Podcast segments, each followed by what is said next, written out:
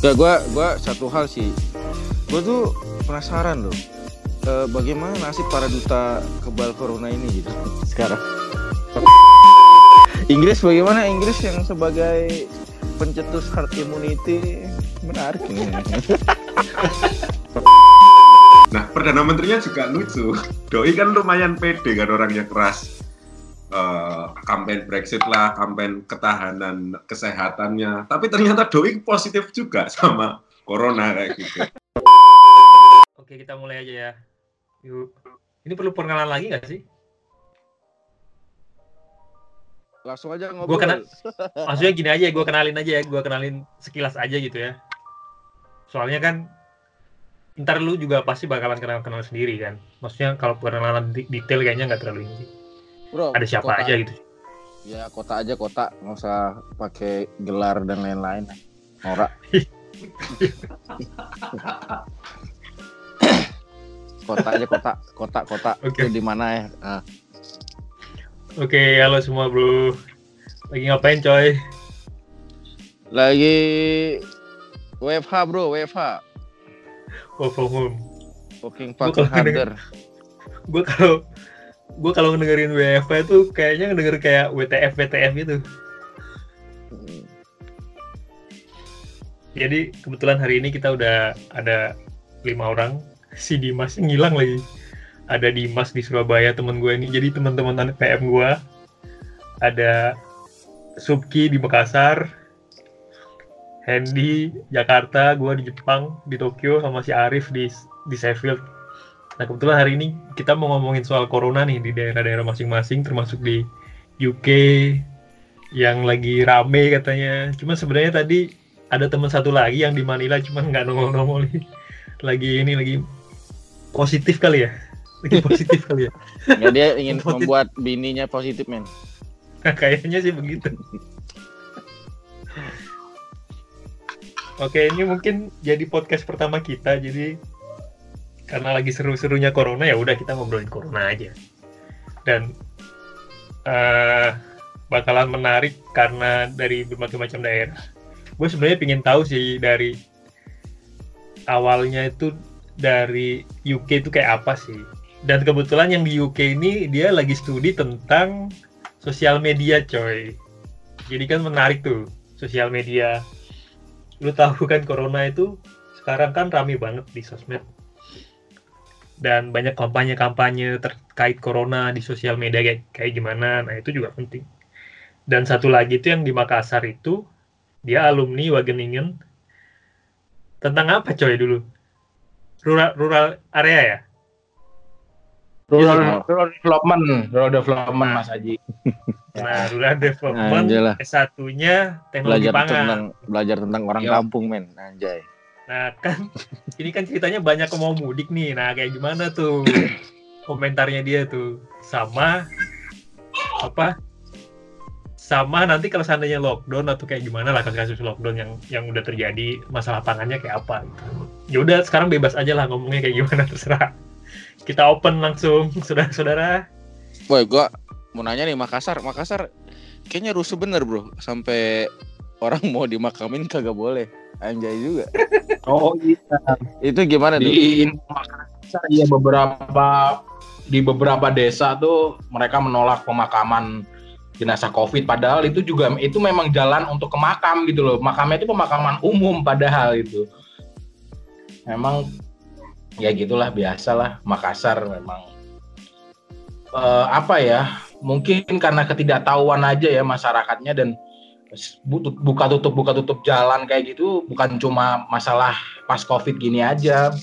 Misalnya pas ada jalan nggak dibener-benerin juga ditutup juga gitu. Jadi mungkin wataknya emang kayak gitu. Jadi ya ya bagi warga yang lain kelihatannya agak brutal tapi enggak sih. Itu cuma kebiasaannya memang berbeda. Bahasanya seperti itu aja kali ya. Cara komunikasinya berbeda gitu. Iya. Sekarang udah kok udah udah eh, apa diturunin aparat buat ngawal yang kayak gitu-gitu jadi mereka udah mulai bisa lah apa ngakses ke apa pemakaman gitu Iya. Gila ya, Amerika hari ini 1.500 men yang meninggal. Maksudnya per hari ya, bukan yang sudah sampai 7.000 berapa, 7.500an ya. Nggak kayak Indonesia ya, cuma 130 per hari ya. Iya, Gila. karena yang di, yang dites Yang dites gitu 134. Aduh, nih gue menunggu B banget ini sebagai perwakilan pemerintah ini. Tapi tapi gini sih, apa kan kalau gua sih ngitung-hitungan kasar ya, kan kalau di rata-rata seluruh dunia itu cuman bukan cuman ya tiga persen ya, ada tiga persenan ya. Nggak paham gue. Kan Satu juta Antara- kan, total total ini Total satu juta ya benar. Satu juta kali per 7 miliar aja kali 100% berapa tuh? Segitu lah ya. Ya kalau lu hitung-hitung Indonesia 3% dari 250 juta ya kayak yang si Ridwan Kamil kan udah ini udah komen kan dia yang dari gereja itu 220-an terus yang dari sekolah perwira polisi itu udah 300 wah gila dan itu kayaknya belum masuk ke ini kan belum masuk ke itunya pemerintah kan Apanya? Belum masuk apa? Data ke list data data data kemen data yang dirilis tiap hari itu kan belum masuk di situ kan Oh, yang diobrolin sama Bapak Yuri terhormat itu. Yo, Gak, gua gua satu hal sih. Gua tuh penasaran loh. Eh, bagaimana nasib para duta kebal corona ini gitu sekarang. sekarang para duta-duta ini apa kerjanya gitu sekarang ini jadi menarik loh nih duta-duta ini.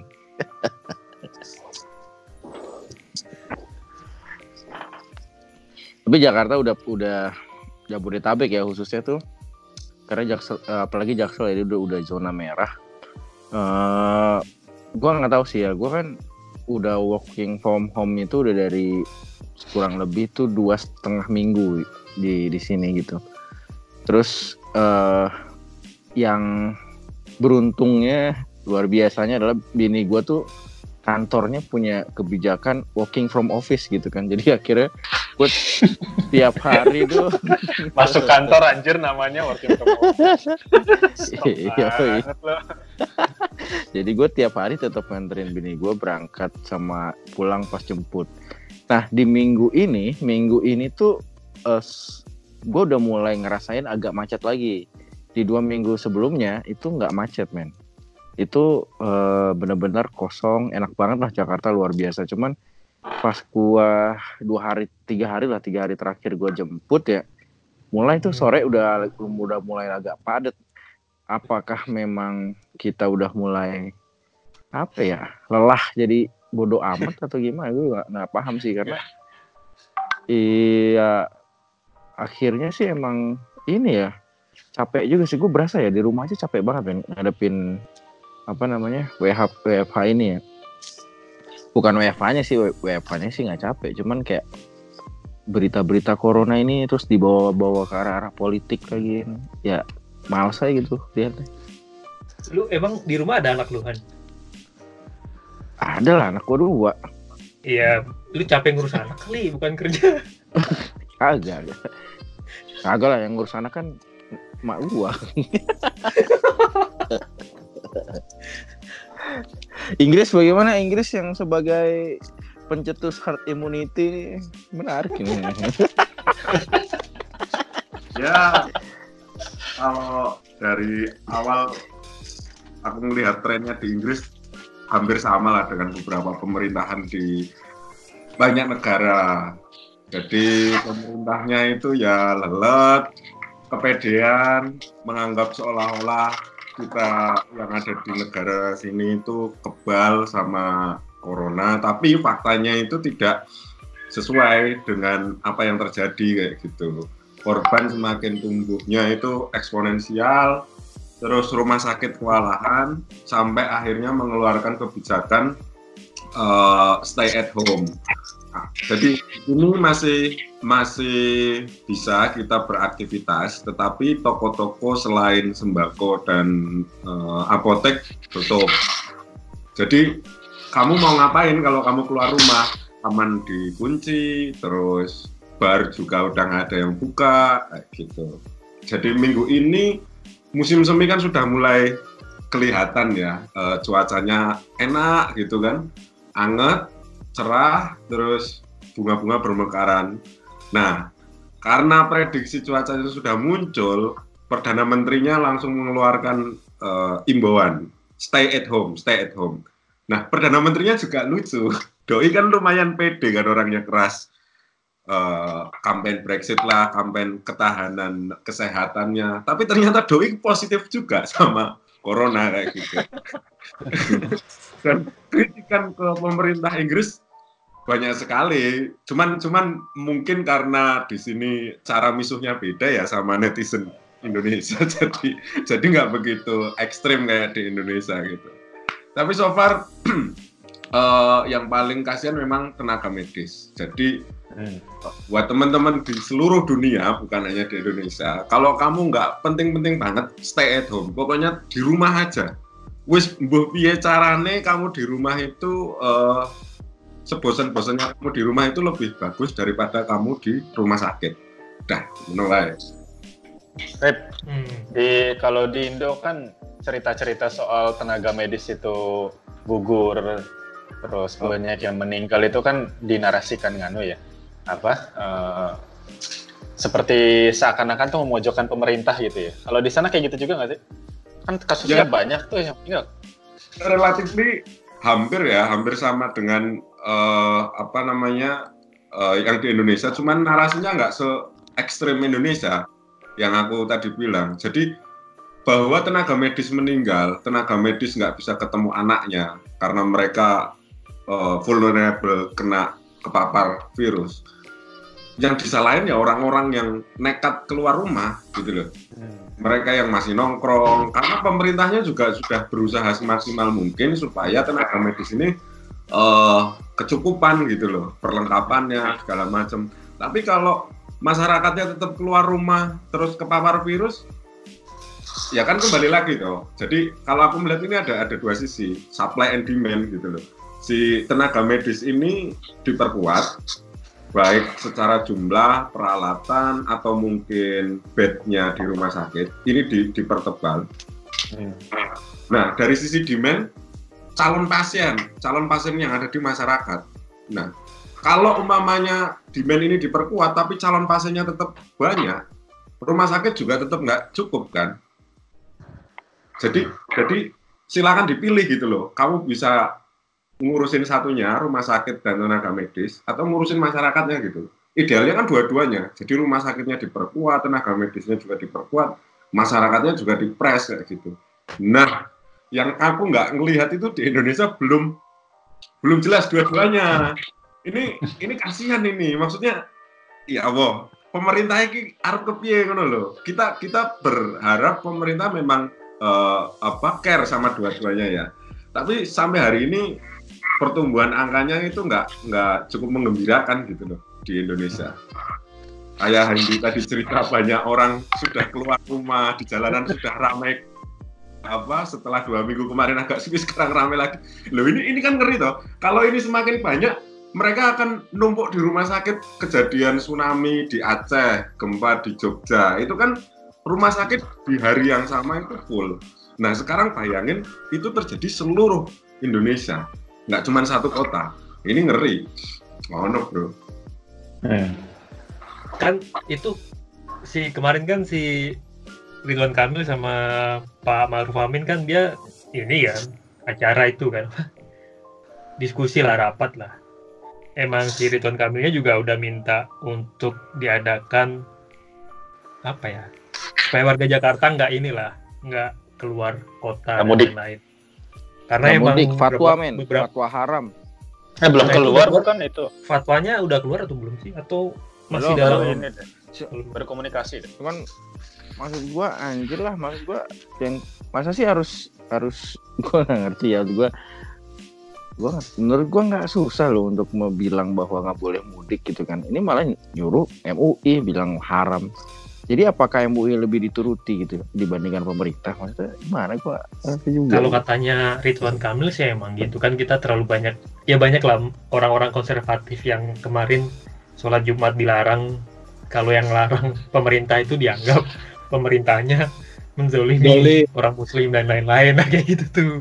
Nah kita terlalu konservatif Ya kan? enggak padahal beda kalau kalau ibadah ya emang MUI urusannya. Cuman kalau mudik tuh kan apa ya kan bukan bukan termasuk dalam rukun Islam atau rukun iman kan mudik gitu kan. Jadi menurut gua harusnya itu ranahnya ranah negara menurut gua gitu jangan mas eh masa ya mau dis ya walaupun ketika misalnya MUI bilang mudik haram gitu misalnya gitu ya ya itu eh, memang itu cukup berefek buat buat diturutin cuman kesian loh maksud gua orang-orang yang nggak mudik pun mereka nggak kerja men ya kan?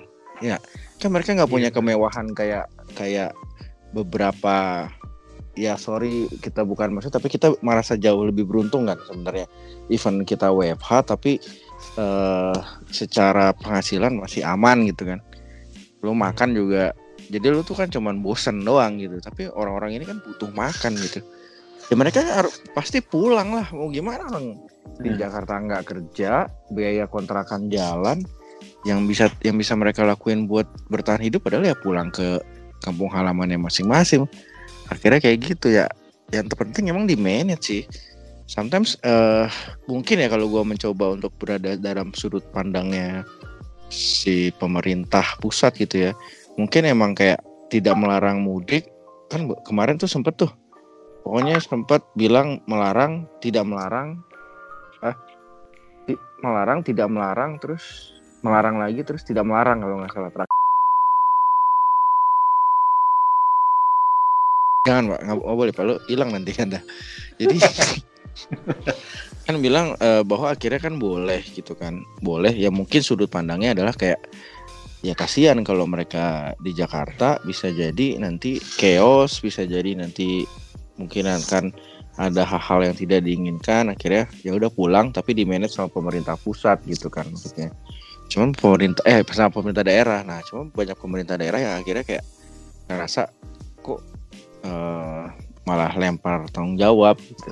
Jadi ya ya akhirnya menurut gua jadi sim- pertama simpang siur beritanya.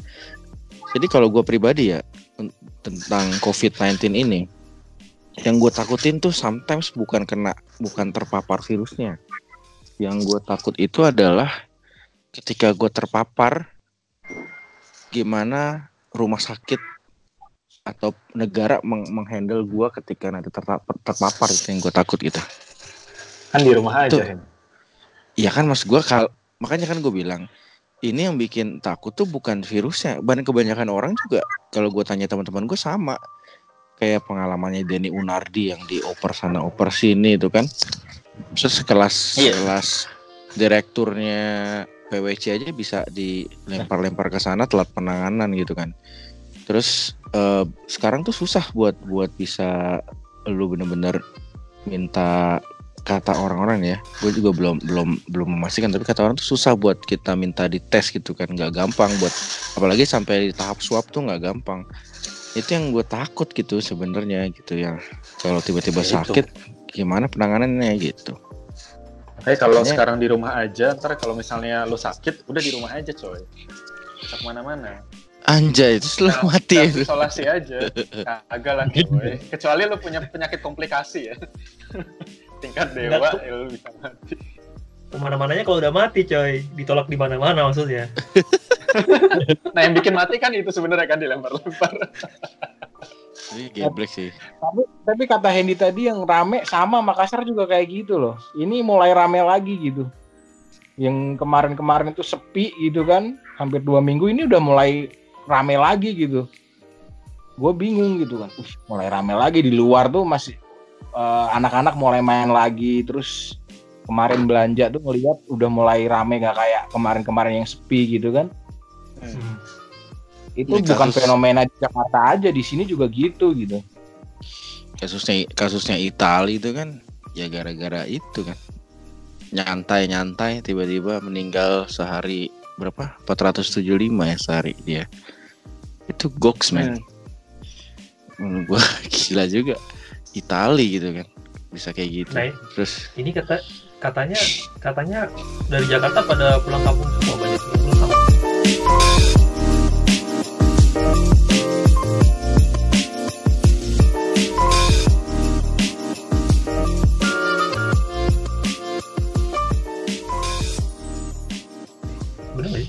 Pasti banyak men, karena Kan- di Jakarta nggak ada kerjaan. Mau gimana? Mhm. Udah udah 8.000 kan? Ya, yang pulang ya. Ya gua nggak tahu kalau itu info data dan ini gua nggak tahu. Tapi pasti banyak. Gue yakin banyak yang pulang. Kayak pertama mall tutup, ya kan? Mhm. Pertama kalinya dalam sejarah hidup kita kan, mall bisa tutup men. Emang kalau biasanya nggak tutup, Gak pernah men, mall tutup lu lebaran aja buka. malam tutup coy. Iya dah, bener Normal. malam, malam tutup emang. Kayak coy, Lu kayaknya percuma S3 kuliah lu tapi gimana ya?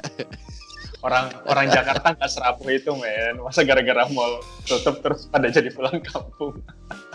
Ya ka- kan mereka kerja di sana, Bro. Iya sih. Orang-orang yang kerja. kerja di mall Oh, contoh oh, ya, mall tempat contoh nih. kerja. Ya contoh ya.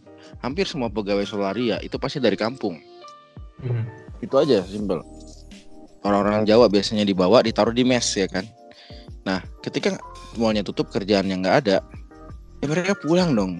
Duit nggak ada pemasukan. Biaya nambah terus hidup. Ini pulang. Ya, ya, ya. Ya Kan dapat kan Bantuan ini dapat BLT nanti. Eh dapat BLT kan.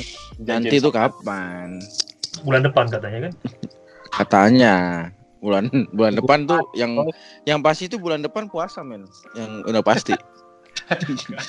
Tiga minggu lagi nyet, nggak bulan depan lagi. Tapi, tapi sebenarnya kalau menurut gua pribadi ya, ini pemerintah pusat sama pemerintah daerah itu kayak gua nggak tahu ya. Yang lebih gerak cepat justru pemerintah daerah sih yang gua lihat tuh kayak gubernur Jakarta, gubernur Jabar. Terus gua ngelihat yang di daerah Sumatera Jateng, juga Jateng. gitu, Jateng. gubernur Jateng. Wali kota Tegal. Wali kota Tegal, jos. Ya. ya, walaupun Iya benar. uh, Bupati gubernur apa? Papua, Sorong, Sorong tuh apa ya? Sorong tuh wali kota bupati Sorong. ya pokoknya gubernur di daerah Papua Barat apa Papua ya yang pokoknya udah karena emang ya mereka menyadari kalau kalau yang di Papua itu mereka menyadari kan kalau kemampuan fasilitas kesehatannya mereka nggak memenuhi. Jadi kalau seandainya lu sakit di sini ya ya nggak bisa diapa-apain gitu kan. Nah kalau sebenarnya kalau gua ngelihat kasus yang di sini di Tokyo itu sama aja sih. Gubernur sama sama perdana menterinya juga nggak nggak klop juga sih. Cuman at least eh, di sini perdana menterinya masih masih punya masih masih tampil tiap hari lah untuk ngomong ini itu ini itu gitu gitu jadi itu penting juga buat buat buat menenangkan masyarakat gitu. Dan Hmm. ya gua nggak gua juga gua harus mengkritik sih kalau pemerintah pusat kita terlalu nggak tahu ya. Seolah-olah kayak ngelepas entah lepas tangan apa enggak tapi menurut gue sih nggak lepas tangan ya. Cuman kurang kurang gesit aja sih. Dan apa? Di sini itu anak SMA libur karena kebijakan-kebijakan pemerintah Tokyo kan kalau SMA kalau SD SMP kebijakan pemerintah pusat jadi nggak libur. Cuman ya itu sih. Eh, di Tokyo juga lucu sih. Awal-awal itu mereka agak slow untuk menjaga image mereka supaya Olimpiade tetap berjalan dan mereka mengimagekan bahwa Tokyo baik-baik saja. Begitu ada keputusan Olimpiade di stop ya udah mereka benar-benar gerak dan fasilitas kesehatan mereka katanya cuma bisa menampung 500 pasien. Jadi sekarang mereka pakai hotel buat ini buat pasien. Ya sebenarnya masalah fasilitas juga semua negara nggak ada yang siap. Mau negara maju sekalipun gitu. It's, Tapi kayaknya kalau di Jepang kalau gua lihat-lihat ya kan banyak yang bikin-bikin review. Eh mereka tuh kayak jauh lebih karena udah pada dasarnya orangnya individualis, biasa hidup bersih. Terus udah dari dulu emang nggak pernah salaman kan karena nunduk-nunduk. Terus eh, mereka emang lebih senang sendiri kayaknya menghargai privacy. Jadi kayak physical distancing buat mereka emang emang biasanya juga begitu gitu kan. Jadi Hmm. kayak Jepang tuh kenapa kayak emang terlihat nyantai karena mereka secara budaya udah dari dulu seperti menghindari virus gitu. Benar nggak gitu Ji? Iya, ya itu salah satu ini sih, salah satu ya keseharian mereka memang udah kayak gitu. Jadi begitu disuruh physical distancing ya mereka nyaman-nyaman aja sih. Cuman kemarin gue dari Central Tokyo nih, sama aja sih jam-jam kerja juga. Keretanya full-full juga. Gak ngerti gue. Tapi kan orang Jepang udah pada pakai masker dari zaman dulu ya. Hmm, kebiasaannya mereka dari dulu emang suka pakai masker. Jadi kemarin gue lihat di kereta paling cuma satu dua orang yang nggak pakai masker. Tapi ka- kasusnya Jepang eh, per harinya berapa sih? Tahu nggak lo? Gue hari ini nggak update sih, cuman beberapa hari terakhir emang naik drastis. Di Tokyo hari ini sekitar 100 berapa gitu gue lupa. Tokyo doang ya. Udah Ya meninggal, sekarang- udah meninggal. Ada meninggal. Cuman memang sekarang jumlahnya jauh lebih rendah daripada di Indonesia sih. Jumlah total penderita.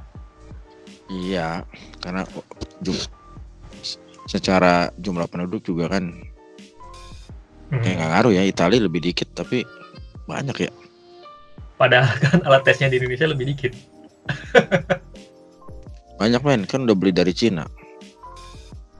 Nah, gue nggak tahu tuh yang isu katanya di Indonesia kecolongan alat tesnya kan banyak tuh yang dari Belanda sama dari mana tuh yang alat tesnya nggak nggak eh, apa, jelek atau gimana rusak atau gimana Oh, Nggak tahu. nggak tahu yang nolak itu. Cina.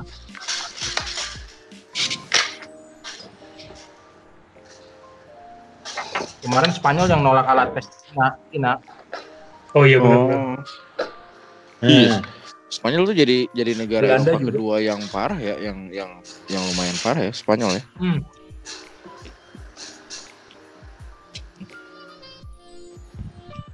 Nah sebenarnya gue gue juga tertarik sih masalah lockdown yang di India itu kan. Ya sebenarnya salah satu manfaat pemerintah kita kurang sigap itu kan mereka nggak bisa nentuin mau lockdown kayak di India atau eh, tes massal kayak di Korea kan. Masyarakat kita kan banyak yang pingin lockdown pingin ini kan dan begitu kita ngelihat di India kasusnya emang bener-bener tidak termanage dengan baik gitu lockdownnya. Tiba-tiba pemerintahnya bilang lockdown dan dan apa? Ya banyak pekerja-pekerja harian yang nggak makan dan lain-lain itu kan masalah. Tapi India udah represif men, lu dipukulin pakai tongkat.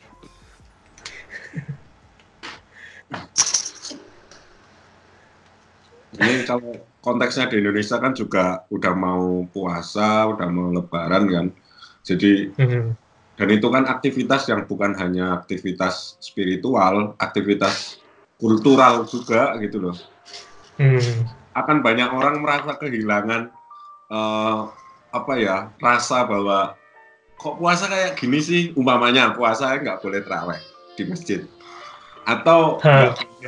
Nggak boleh- beli atau jualan kolak atau makanan berbuka kayak gitu. Nah maksudku gini, eh, bukan menyalahkan tapi mempertanyakan gitu loh.